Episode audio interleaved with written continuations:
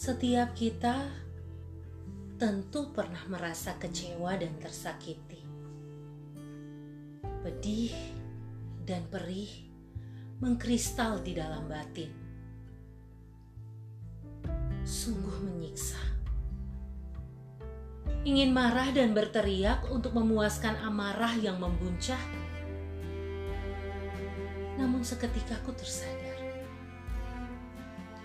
semuanya hanya akan membuatku semakin terlihat bodoh dan terpuruk. Lalu sebuah suara di dalam hati berteriak menyadarkanku. Hei, kamu pun manusia biasa yang secara sadar atau tidak, mungkin saja lisan dan lakumu pun pernah menyakiti sesamamu, bahkan mengecewakan Tuhan. Jadi,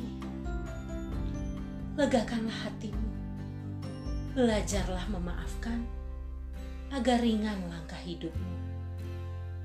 Matius 6 ayat 14 dan 15.